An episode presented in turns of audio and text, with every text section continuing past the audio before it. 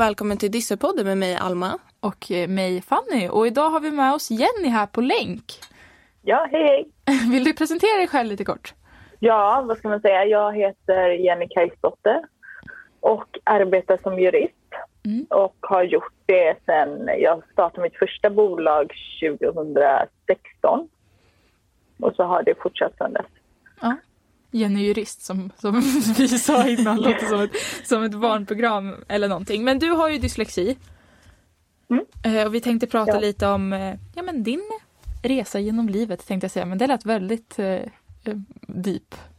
Ja. Men, men sådär hur det har gått för dig och sådär. Så hur liksom började det och hur kom du för, för första gången i kontakt med, med dyslexi? Mm. Alltså jag är ju familjens första barn. Mm. Så eh, det fanns liksom inte någon mått, vad heter det, någon liksom hur, hur, man skulle vara vid en viss ålder och hur man skulle klara av att kunna och läsa och så. Utan när jag började skolan så förstod min lärare direkt att jag var dyslektiker. För hennes barn, hennes dotter, hade precis fått diagnosen att hon var dyslektiker. När du gick i ettan då, eller? Ja, det var i ettan. Ja. Så då hjälpte hon mig och mamma jättemycket. Vi var liksom efter skolan, liksom på eftermiddagar och kvällar så var vi i skolan och vi fick läsa, eller jag fick läsa och läsa och läsa. Mm. Eh, själv då, bara med fröken och mamma. Så det var eh, ja, men det kändes väldigt bra för att jag förstod inte att man skulle kunna läsa så fort. Nej. Eh, det förstod ju liksom vår familj när min syster kom fyra år senare. När hon började läsa så var det att hon knäckte den där läskoden på mindre än ett halvår. Mm. Så kunde hon ju läsa ordentligt. Och då tänkte man, herregud, okej, okay, ja, är det så fort det ska gå? Så där var det verkligen för mig också. För vi har pratat om det tidigare, att så här, det är väl olika när man är liksom första barnet eller andra, liksom, eller vilket som helst i ordningen sådär. Men, men att liksom, mina föräldrar hade ju inte heller man ska ju inte jämföra men det fanns ju liksom ingenting som var så här, då ska man börja läsa utan första gör ju bara liksom när det händer. Ja, men exakt. Eh, Minns du liksom hur det kändes när din lärare berättade för dig att du kanske har dyslexi? Tyckte du att det var jobbigt eller? Nej, det tyckte Nej. jag inte. Eh, jag tänkte väl mer att jag var lite speciell och fick liksom den här underbara fröken för mig själv på mm. kvällarna. Och hon satt liksom och bara fokuserade på mig och liksom gav mig uppmärksamhet. Jag tyckte liksom att, ja, men, ja, men att jag var ganska speciell då. Liksom. Men jag, jag såg inget problem då i ettan och tvåan. Eh, utan jag reflekterade liksom inte att andra kan ju läsa så mycket. Jag gick i Montessori-skola så vi satt ju mest på golvet och eh, hittade saker från skogen som vi satt och räknade med och sådär.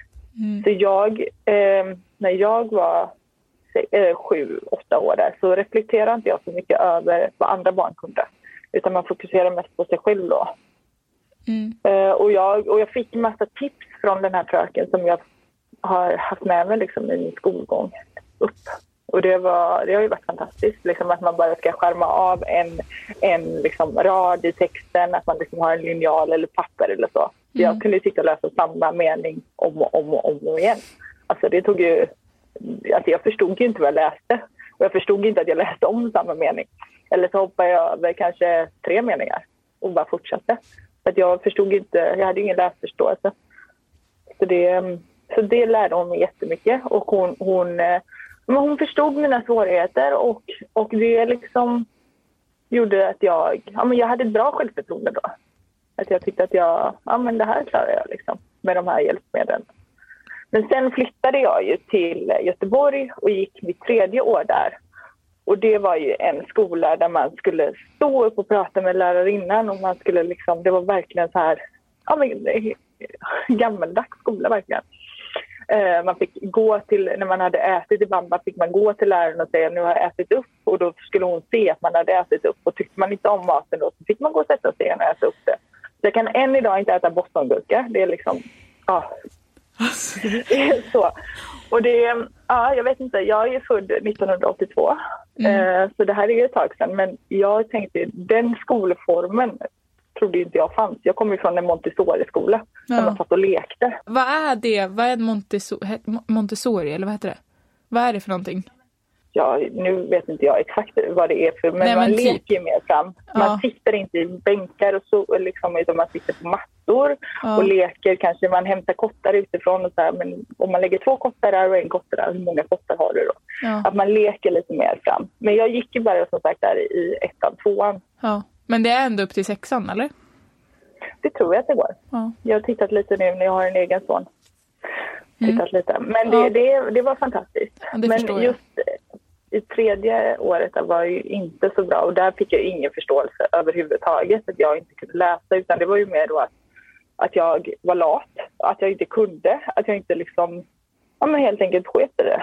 Så att det, det var ju väldigt oförståelse var det där. Men sen flyttade vi, jag stannade bara där i två terminer, sen flyttade vi upp till Orust.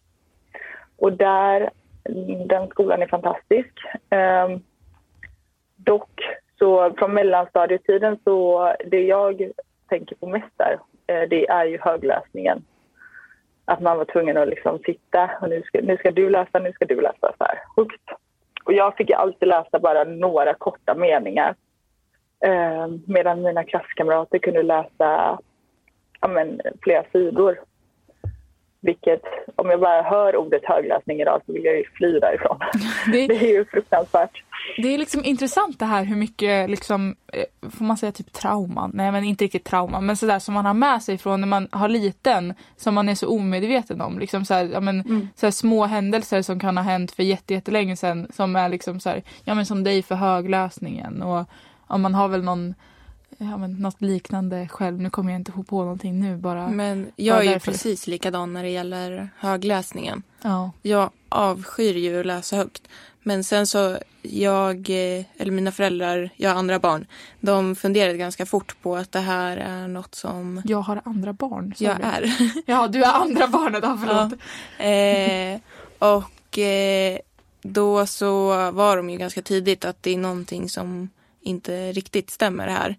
Eh, så jag tror att vi har pratat ganska mycket öppet om det i familjen och varit så här, ja men det är inget fel på att ha en svårare läsare. Det kan vara att du har dyslexi och hela den biten. Så jag tror att högläsning är fortfarande väldigt jobbigt men jag tror att jag har accepterat mer att jag stammar och hackar just nu. Men jag skäms ju fortfarande jättemycket när jag läser. Jag är ju helt tvärtom nästan. Alltså så där, för, att, för att jag är så stolt över att jag idag kan läsa högt. Så jag vill så gärna göra det för att bevisa att så här, haha kolla, ni som inte trodde på mig när jag gick i tvåan och hackla. För, att- för att jag fick inte, jag fick min diagnos när jag gick i eh, åttan, det vet alla som lyssnar vid det, här, vid det här laget. Men sådär, och jag fick alltid i min skola innan höra att nej men du har inte dyslexi, kämpa lite till och sådär. För att jag jobbade ganska mycket runt min diagnos, vissa kan ju göra det. Eh, Och då kunde jag inte läsa så mycket högt och fick alltid läsa de kortaste meningarna på samma sätt som du fick för att det var lättare än att problem, problembarnet, det är lite fel ord men det var ju nästan så liksom, ska behöva traggla sig igenom någonting långt. Så idag är jag så stolt över att jag kan läsa högt så jag gör ju gärna det. Bara för att visa att man, man liksom kan. Men undra hur din, hur din skolgång hade blivit om inte du hade den här första fantastiska läraren. Ja, mamma var ju helt omedveten om dyslexi. Ja, Och min, på min pappas sida så är ju alla dyslektiker, okej. typ nästan alla.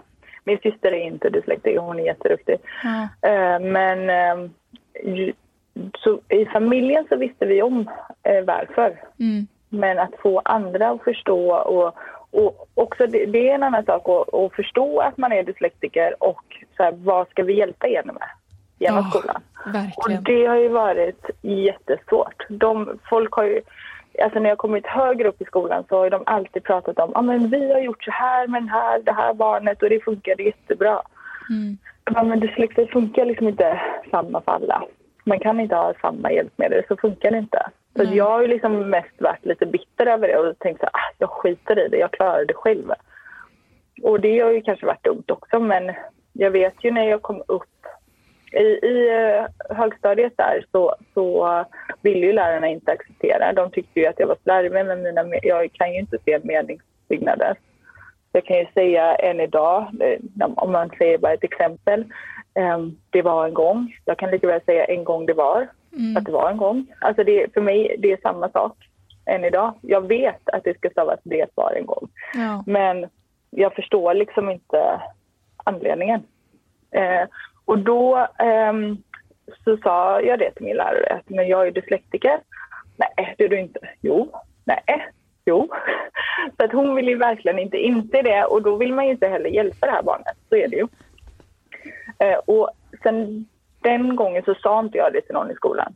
Och jag ville inte heller att mamma skulle liksom vara den som bara, mitt barn är dyslektiker, hon ska få hjälp. Utan jag bara, nej, jag löser det här. Vi, vi hjälps åt hemma. Liksom. Mamma har ju varit och stöttat mig otroligt mycket. Alltså mm. läst och rättat och pushat och varit superglad när jag fått godkänt. Det är nästan som man liksom har fått en tårta liksom, varenda gång man kommer hem med ett godkänt betyg.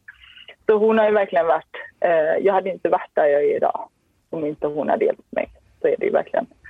Eh, så jag fick ju henne att inte liksom ta kriget med skolan. Ja, jag känner mig igen mig i det du säger med att inte vilja ha föräldrarna med och jag ignorerar ju min diagnos väldigt länge och även haft en lärare som sagt att nej, du har inte dyslexi. Bara för att vissa säger det för att få hjälpmedel. Eh, men då hade jag också Fanny som plockade upp mig och var så här, men Alma, du måste ju säga ifrån. Men, men jag tror att det, det finns ju såklart helt fantastiska lärare och helt liksom puckade tänkte jag säga, men jättedåliga lärare. Och när, när, när några lärare haft så här, liksom, samma undervisning i många år så känns det som att de bara säger nej, de kan inte för att man måste ju underlätta för oss dyslektiker och anpassa lite grann undervisning efter det. Jag förstår att man inte kan anpassa för varenda individ men, men det krävs ändå lite extra effort för en dyslektiker. Liksom. Men vissa är ju typ inte villiga att lägga det och så vägrar se att det finns. Liksom. Mm. Usch. Ja men så är det ju verkligen. Men jag kan ju bara och titta på alla de lärarna jag har ja. eh, Bara att de eh, liksom visar att jag ser dig, att du har, att du har svårigheter med det här. Ja. Eh, vad kan vi göra för att hjälpa dig? Det känner jag. Bara den frågan är liksom att man känner så här, men jag, klara det här. Bara jag kanske får lite hjälp med det här eller att jag har förståelse för varför jag skriver på det här viset. Och kanske liksom ja, lite mer uppmuntran istället för de här jävla röda bockarna hela tiden. Mm. Jag tror att eh, om man kollar på de lärarna som jag och Fanny har gillat. Under gymnasiet ska jag tillägga. Ja, under så. gymnasiet när vi gick ihop. Då är det de som har bara ställt frågan. Men jag tycker också att det, jag måste säga det, jag tycker också att det är så himla coolt av att så här, vi har suttit i väldigt många avsnitt nu och pratat om det här och sen så kommer du Jenny, ja du hade lyssnat på något men du har ändå typ, och du säger precis samma sak som vi har sagt att så här, det enda vi egentligen behöver det är att någon, någon lyssnar på svaret, vad är det ni vill ha hjälp med? Mm. Ja men alltså, jag tänker att du, det är så det har varit för mig. Ja. Verkligen. Men det har också varit en... Alltså nu vill jag tänka på att jag gick ju i gymnasiet, det var ju liksom 20 år sedan jag gick där. Ja. Eh, och då, när jag gick i andra ring så kunde ju den här läraren, jag hade en svenska lärare, så sa han så Jenny kan du stanna kvar lite efter lektionen? Ja visst. Och han stod och tittade ut genom fönstret och tänkte så här, men gud, ska han inte säga någonting? Och han bara stod där och bara såg hur jobbigt det var för honom att det han skulle säga. Så jag tänkte, men Alltså okej, okay. vad är det som har hänt? Eh, men då så sa jag, jag tänkte bara fråga om du eh, kanske, att du kanske är lite dyslektiker. och, och det jag liksom bara, ja. Och det var liksom som en sten släpptes från hans axlar. För han, det var så jobbigt för honom att och liksom fronta mig med det här. Ja. Eh, och då så så här, ah, vi ska hjälpa dig och skolan har en skyldighet och så här, liksom, att, ja, vi, vi ska se till att det här blir bra, liksom, att, du, att, du, att det underlättas för dig. Uh, och då skickade de upp mig till någon sån här specialundervisning och jag fick sitta och, och, trycka på vilka ord som var korrekt stavat. Och det kunde vara taxi stavat med X och sen kunde det vara taxi med K. Och så skulle jag bara trycka på de här och det har jag aldrig haft problem med. Nej. Så de här, det var ju ganska, alltså jag slutade gå där. Och då blir det liksom att ja, här försöker vi hjälpa dig och så tar du inte emot den här hjälpen, du är inte tacksam. Var, var liksom. Så det har ju också varit ett problem. Jag har liksom försökt, ja det här är inte det jag liksom fås med. Nej. Utan det är mer meningsbyggnader, alltså, läs, alltså läsförståelse. Och sen det här man tappar eh, bokstäver eh, väldigt lätt kan jag göra. Eh, det är inte, jag vet inte riktigt. Det, det jag har arbetat fram där, om jag till exempel ska ha ett börjar det här ordet med ett P. Eh, och jag kan inte hitta hur ett P ser ut i mitt huvud. Då måste jag tänka så här, men vad, börjar, vad finns det mer för ord som börjar på P? Ja, det är pappa, papper. Okej, okay, men då vet jag hur det stavas. Så ser jag liksom det ordet i huvudet. Mm. Och då vet jag hur ett P ska börja. Så ja, men det skolan har ju... Alltså jag tänker typ så här, för mig som fick min, alltså det var ju jättekämpigt innan jag fick min diagnos. Jag fick min diagnos i åttan och då, då skriver de ju liksom in i så journal och allting som följer med i alla årskullar. Så här, hon har dyslexi och sen har alla koll på det. Men det blir ju inte riktigt så när man inte är utredd. Men din skola godtog alltså att du inte hade en dyslexidiagnos och hjälpte dig ändå. För det vet jag att det är många skolor som inte gör idag. Att så här, du måste ha en diagnos liksom för att kunna få, få hjälp, tyvärr. Jag tänker att det, det var inte så vanligt då. Alltså Nej. nu låter det som 150 år. Men alltså det här med just att man skulle utredas för att vara dyslexi. Alltså det, det var inte, jag vet inte någon som gjorde det Nej. i min närhet. Eh, utan det var liksom att de, de, skolan ska ju ställa upp med resurser ändå oavsett. Eh, men nu tror jag att det är väldigt vanligt med det här med just diagnoser och att då blir det liksom lättare för skolan att hitta eh, anpassade resurser helt enkelt. Så Nej, jag tror att det är därför de pushar på diagnoser. Nej, jag tänkte på det för att, för att vi pratar ofta om att här när du får din, ditt papper med, med din diagnos, då, då kan man ofta gå till, liksom, det är ju logopeder som utreder oftast, men det går ju även att specialpedagoger gör det.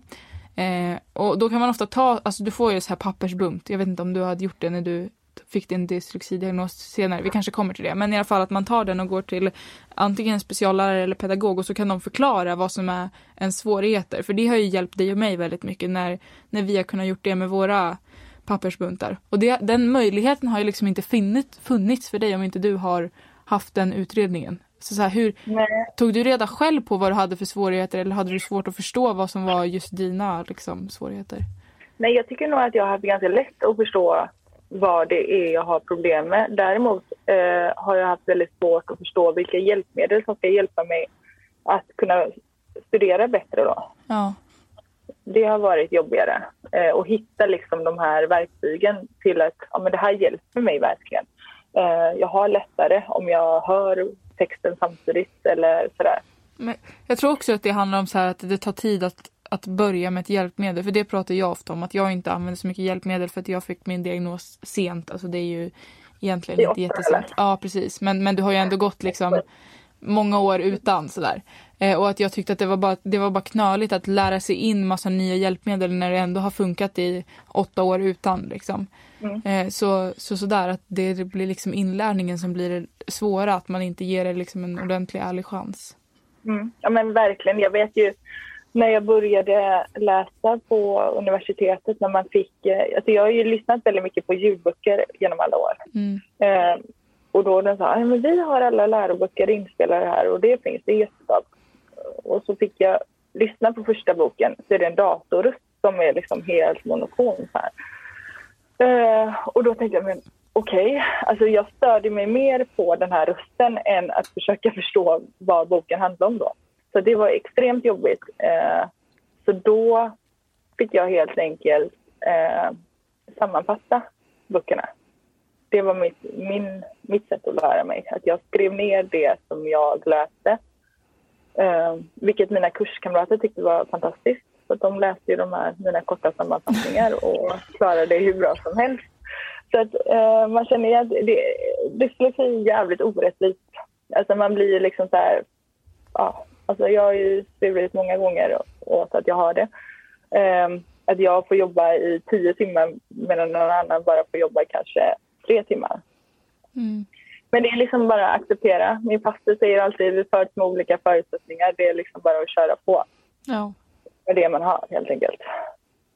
Så det är väl lite så jag har känt att jag, jag ska ju klara det här ändå. Ja, men sen också så här att man måste liksom, ja men det känns som att ofta så nämns dyslexi när det nämns alltid typ negativa syst, alltså syften. Att ja, det är klart att det är en funktionsnedsättning och att, och att det är kanske inte positivt att ha det, men det pratas liksom inte om det här med att ja men vi dyslektiker är ofta bättre problemlösare, väldigt kreativa och har väldigt utvecklad hörsel, eller väldigt litar och, och har väldigt känslig, det låter ju negativt, men alltså en starkare, jag vet inte vad man ska använda för ord, eh, hörsel än vad folk utan dyslexi ofta har.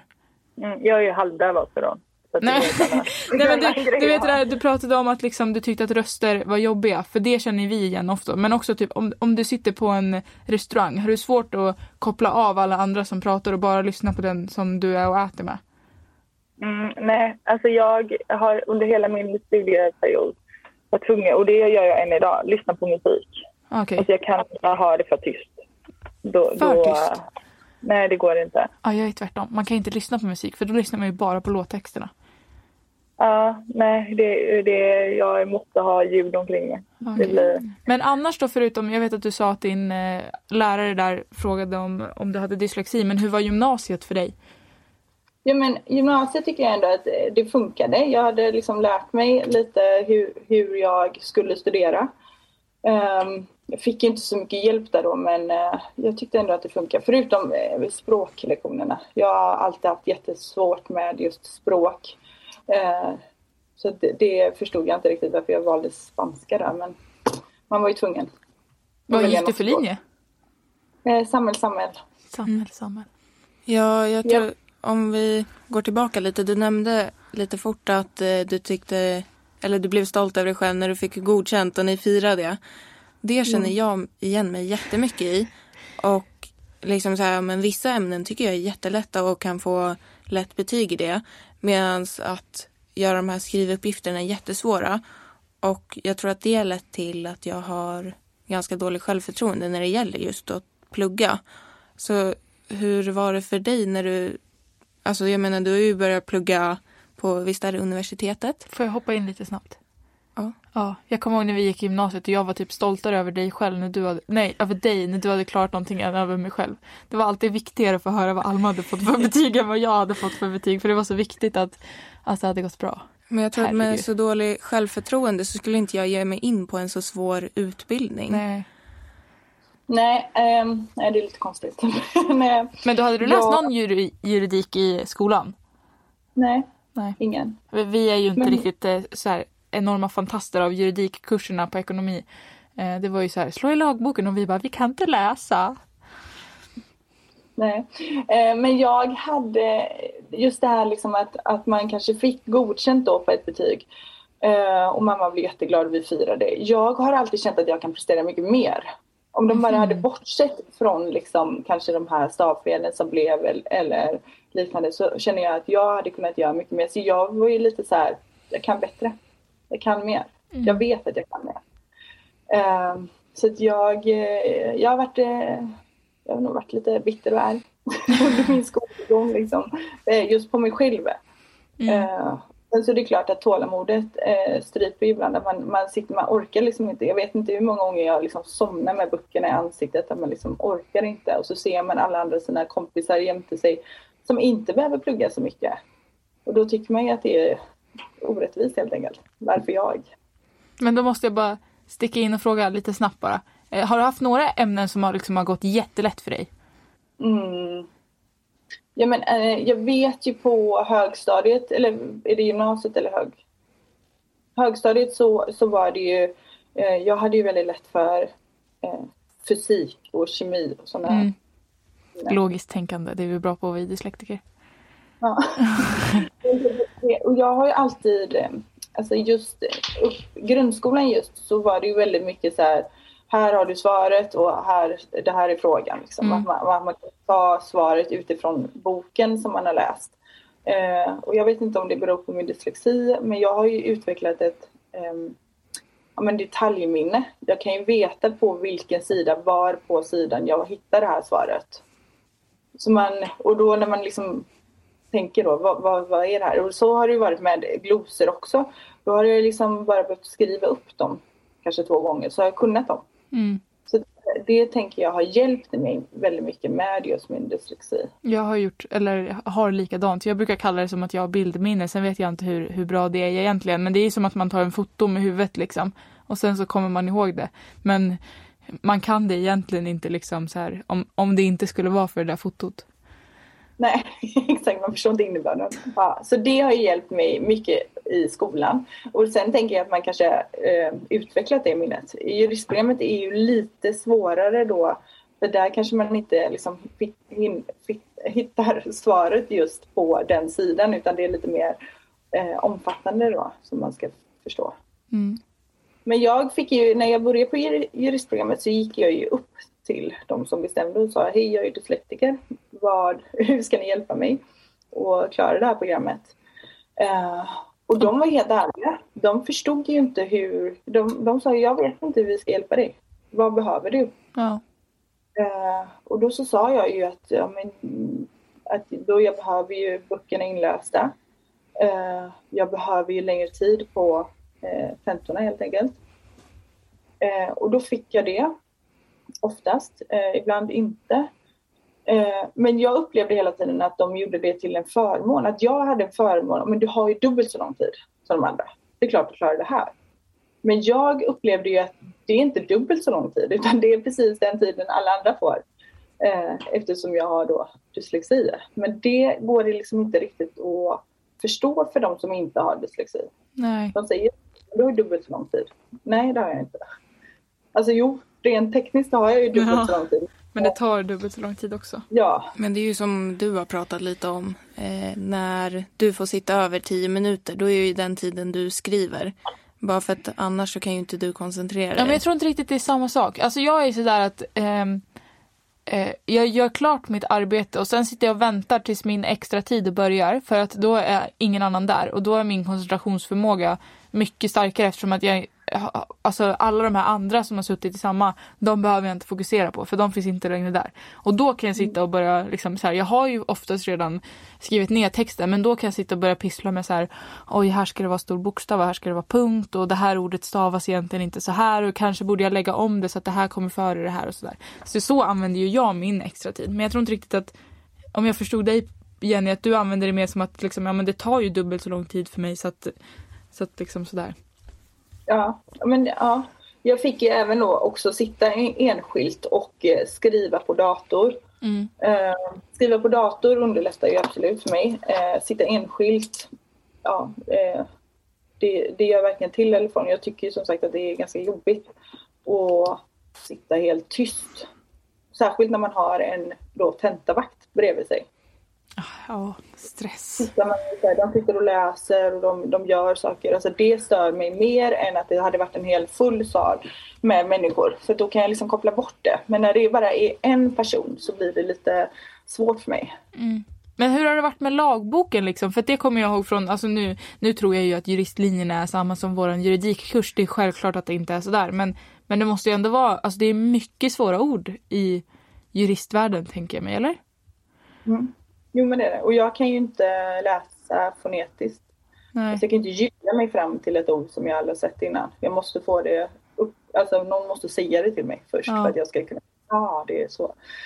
Eh, så det har ju varit eh, en jätteutmaning. Ehm, jag vet på en tenta en gång jag skrev, det var något bilmärke, oj nu kommer jag inte ihåg vad det var för bilmärke, men jag hade skrivit ett R istället, alltså vänt på R. Eh, och då hade han, eh, min lärare, bara strykit ett streck över det. finns ingen bil som heter så det var, ja. Men det är ju såklart, man måste ju vara noga. Det är ett arbete där man måste vara extremt noga. Ja. Eh, så är det. Eh, och jag har ju fått extremt mycket hjälp från mina kurskamrater ja. och även i arbetslivet som har eh, korrat mina texter och sagt att nej men här ska vi nog sätta en punkt. Jag vill ju gärna skriva jättelånga meningar. Det känns som videoslaktiker alltid har en sån där korrekt person som alltid får kolla igenom ens. Alltså när man har varit, nu när man inte är så gammal tänkte jag säga, men då är det alltid ens föräldrar som är så här, ska man skicka ett viktigt mejl så skicka det till föräldrarna först och så får de kolla och så får de rätta och sen skickar man det liksom bara för att det ska bli så där, man, man vill inte stava fel. Mm. Men så är det än för mig idag. Alltså jag har ju skrivit, jag vet inte hur många yttranden och texter in till domstol. Och sitter jag lite för länge på kvällarna och skriver så är det ju svårt att se vad jag menar med den här texten. Ja. Då måste jag ju bara, nej nu får jag lägga ifrån mig den och så får jag fortsätta imorgon helt enkelt. Men använder du några hjälpmedel idag när du jobbar? Nej. Eh, ja, det är ju enkelt Word. Och sen så har jag ju mina kollegor då. Och familj som eh, korreläser. Så det, det är ju Ja, det är ju främst eh, en kollega som jag använder som eh, korrar allting och han har ju varit med mig från början. Från juristprogrammet. Så han har ju sett eh, ja, men utvecklingen helt enkelt. Och det är svårt att se också. Eh, jag kan ju inte riktigt se min egen utveckling. Då får man ju gå tillbaka till de här yttrandena man skrev i början och tänka så här. Ja, jag fick ju fram det jag ville sagt men kanske inte superbra. Men varför valde du från början juristlinjen? Alltså var det något extra intresse eller? Är det så här, vad, vad, vad, när kom du på att jag skulle bli jurist? Eh, ja, jag ville bli hundförare först. I polisen? Att, det, eh, ja, eller eh, bara arbeta med hund helt enkelt. Det var oh. inte så viktigt att det var just polisyrket. Nej. Och det ville jag långt upp i åldern. Men sen så arbetade jag på en fabrik efter gymnasiet och jobbade där i två, tre år och insåg då att det här kan inte jag stå och göra hela mitt liv. Nej. Jag liksom ångest att gå till jobbet. Det var liksom jobbigt och jag kände så här, nej, jag vill verkligen plugga vidare. Och tänkte så här, vad, vad, är, vad är jag mest intresserad av helt enkelt? Jag vill ju förändra. Och jag tänker att inom juridiken så har du möjlighet att förändra. Mm. Ja, ja, alltså all respekt. Jurist är typ det sista jag hade valt att, eh, sen handlar det ju såklart med intressen också, men sådär efter den där lagboken så liksom nej, nej, nej, det där tänker jag inte göra om. Nu har jag min lagbok på en databas som ja. är lite lättare än att den här blåa tjocka boken, den får man ju tunna. Ja, och så är det tunna sidor så att man ser också igenom texten på andra sidan så det gör det ännu svårare att läsa. Och sen är den så liten och så gärna kursiv och sen... Oh, nej, Men jag, men jag tror att vi fick det ju också via nätet. Men jag blev ju så förvirrad. ja, men det var så mycket svåra ord. Men sen är det väl klart att man sätter sig in det. Men, men ändå, wow. Eh, coolt gjort att våga. Ja, men jag har alltid det ska inte hindra mig vad jag vill göra. Så ska min dyslexi liksom inte sätta käppar i hjulet på Nej, det sättet. Men så är nog jag också att så att mm, mm, Alltså att ingenting kan hindras på grund av min dyslexi. Men jag kommer ju ändå alltid välja saker som jag har lättare för framför saker jag har svårt för. Mm. Eh, så, att, så att det blir ändå så. Alltså det hindrar mig ju inte men, men det kanske ändrar mina beslut lite grann. Jag vet inte hur man ska förklara. Ska vi gå vidare? Mm. Eh, du, idag har du ju företag. Vill du berätta lite om hur det var att starta och driva företag på det här sättet? Eh, det var jag och min pappas, eller min sons pappa helt enkelt, eh, som gick på juristprogrammet och då sa han så här, Jenny, vi startar företag. Och då var jag lite så här, nej men gud, herregud, vi har inte ens läst färdigt. Vi går ju liksom, jag vet inte vad vi gick då, andra året, tredje året eller någonting. Jag bara, vi, vi får lugna oss lite. Eh, men han eh, pushade på att vi skulle starta företaget och jag har verkligen inte ångrat det. Det har liksom varit en fantastisk, alltså i början så tog ju vi ärenden genom att äh, men vi, vi var studenter och företaget skulle liksom växa sakta. Det var vårt motto. Eh, men det har varit fantastiskt. Jag tycker att det är fantastiskt att driva ett bolag. Mm. Eh, och särskilt då inom juridiken. Ibland såklart att det blir lite övermäktigt men det tänker jag att det är alla arbeten. Jag behöver lite längre tid på mig att skriva mina yttranden och det vet jag om. Eh, så det, det, är, jag tycker att det bara varit jätteroligt helt enkelt. Det har varit en fantastisk eh, resa. Har det varit något som du tror har varit liksom svårare med hela resan med tanke på att du har dyslexi? Mm, alltså, det är det än idag. Just det här med att man är dyslektiker. Jag är inte den som står och skriker att hej, titta på mig, jag är dyslektiker. Eh, mitt arbete är ju väldigt mycket, bygger väldigt mycket på förtroende. Att klienten får förtroende att, att jag ska föra deras talan på ett bra sätt. Och skulle jag då säga att jag är dyslektiker så vet jag att de, eh, vet och vet, det vet jag inte, men jag tänker ju att de får ett lägre förtroende för mig helt enkelt. Eh, ja men klarar hon verkligen det här? Kan hon skriva så? Och det är ju tankar som jag har varit, haft med mig under hela uppväxttiden. Att mm. ja, men folk, eh, jag vet inte, men att, att människor helt enkelt tror lite. Att man är lite puckad? Ja, ja mm. lite puckad helt enkelt. Och det, och det är ju jävligt eh, tråkigt. Mm. Och så, så är det ju alltid om, om jag ska stava ett ord och jag inte hittar bokstäverna så säger kan du bokstavera det istället för jag kan inte säga det om någon ljudar fram det. Så förstår jag inte alls vad det är för bokstäver men kan du bokstavera liksom en bokstav i taget. Eh, och då när människor får, när, när jag ber människor göra det så höjer de alltid lite rösten också. A, B. Ja. Jag är liksom inte döv. Jag förstår liksom inte koppla i bokstäverna ser ut. Du får vänta lite bara. Eh, och då, alltså det kan jag ju säga nu när jag är snart 40. Eh, så att jag kan liksom, ja, men, liksom stå upp mer för att jag är dyslektiker. Det ville jag ju inte innan. Utan Mm. så här, jag vill inte så att, tro, att du ska tycka att jag är liksom. Det, det är så hemskt att man, alltså jag förstår det verkligen, men det är så hemskt att man ska behöva skämmas för att man har dyslexi och liksom undanhålla det på det sättet. För du gjorde ju precis likadant innan jag kom och bara, nej nu jäklar ska du fightas för det här istället liksom. Men jag tror att det var olika. För att jag förstod inte min diagnos och det var därför jag sket i den typ. Men jag tror inte att jag skämdes. Alla mina kompisar och lärare visste ju om det.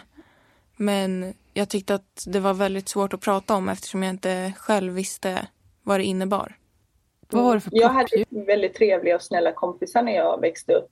Eh, det var liksom ingenting vi pratade om, att jag inte kunde läsa.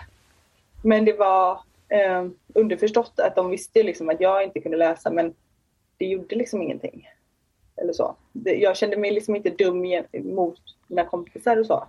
Och det tror jag hjälpt mig mycket med min självkänsla i, ja, men under uppväxttiden helt enkelt. Mm. Ja men verkligen. Alltså jag har ju varit sådär att, men jag tror att så här mycket av ens typ driv kommer ju egentligen från att man har haft det liksom kämpigt i sin dyslexi att så här, ni ska fasen inte få liksom så här, trycka ner mig eller alltså sådär att man, man, liksom, man har ett inre driv som, som man har fått på grund av dyslexin. Sen har ju inte jag haft det här med att jag har skämts över eller inte vågar prata utan vi är ju typ egentligen de som står och skriker på stan att vi har dyslexi. Eh, det är ju ingen som har missat att liksom Fanny och Alma, Piff och Puff, de har dyslexi. Det, det går inte att missa men men, ja. Men jag tänker, gjorde ni det från början eller har det kommit senare? Nej, jag har alltid gjort det. Men jag tror också att det var för att, eller alltså, när jag inte hade, inte hade dyslexidiagnosen fattade jag ju inte att det var dyslexi. Då var jag ju bara trött på att jag var trög. Och att ingen fattade, för att jag satt ju med potential och jag tyckte ju att jag kunde. Men det var liksom ingen som, ja men kämpa lite till, kämpa lite till, kämpa lite till. Och jag gick gråtandes från varenda utvecklingssamtal för att de var så här, men varför, varför går inte det här? Och jag bara, men jag kan ju inte, ni förstår ju inte att så här, jag gör allt jag kan men det funkar inte. Men sen när jag fick min diagnos så hade jag en tjej som var lite min förebild vill jag nästan säga. Min, alltså en av mina kompisar. Och hon hade dyslexi och hon funkade på ungefär samma sätt som mig. Eh, så då var det liksom så självklart att, det, men kolla på henne, hon är ju hur cool som helst och hon har ju dyslexi. Så för mig har det aldrig varit någonting att skämmas över på det sättet utan så här, ja, jag har dyslexi, det betyder det här och jag har alltid förstått vad det betyder och sådär. Så så för mig så var det bara en förståelse till att jag fattade varför det var så kämpigt och sen så var det bara så här, ja men då får ni väl förstå att så här är jag nu, så här funkar jag liksom. Men avslutningsvis då, har du något mer du vill säga? Nej, men jag känner väl mest att man ska aldrig ge upp och bara kämpa på. Och desto, det är ju tråkigt, men desto mer övning, desto mer färdigheter får man ju helt enkelt. Och jag vet ju att det är skittungt många gånger, men det är ju liksom bara att kämpa på. Det går. Verkligen, vilken dyslexiförebild du är, måste jag ändå säga. Tack. För många, många unga dyslektiker hoppas jag. Men med det får vi säga tack Jenny för att du ställde upp och var med. Tack så jättemycket att jag fick vara med. Jättetrevligt. Och tack för att ni har lyssnat. Följ oss gärna på våra sociala medier där vi heter Dyssepodden. Hej då! Hej då! Hej hej!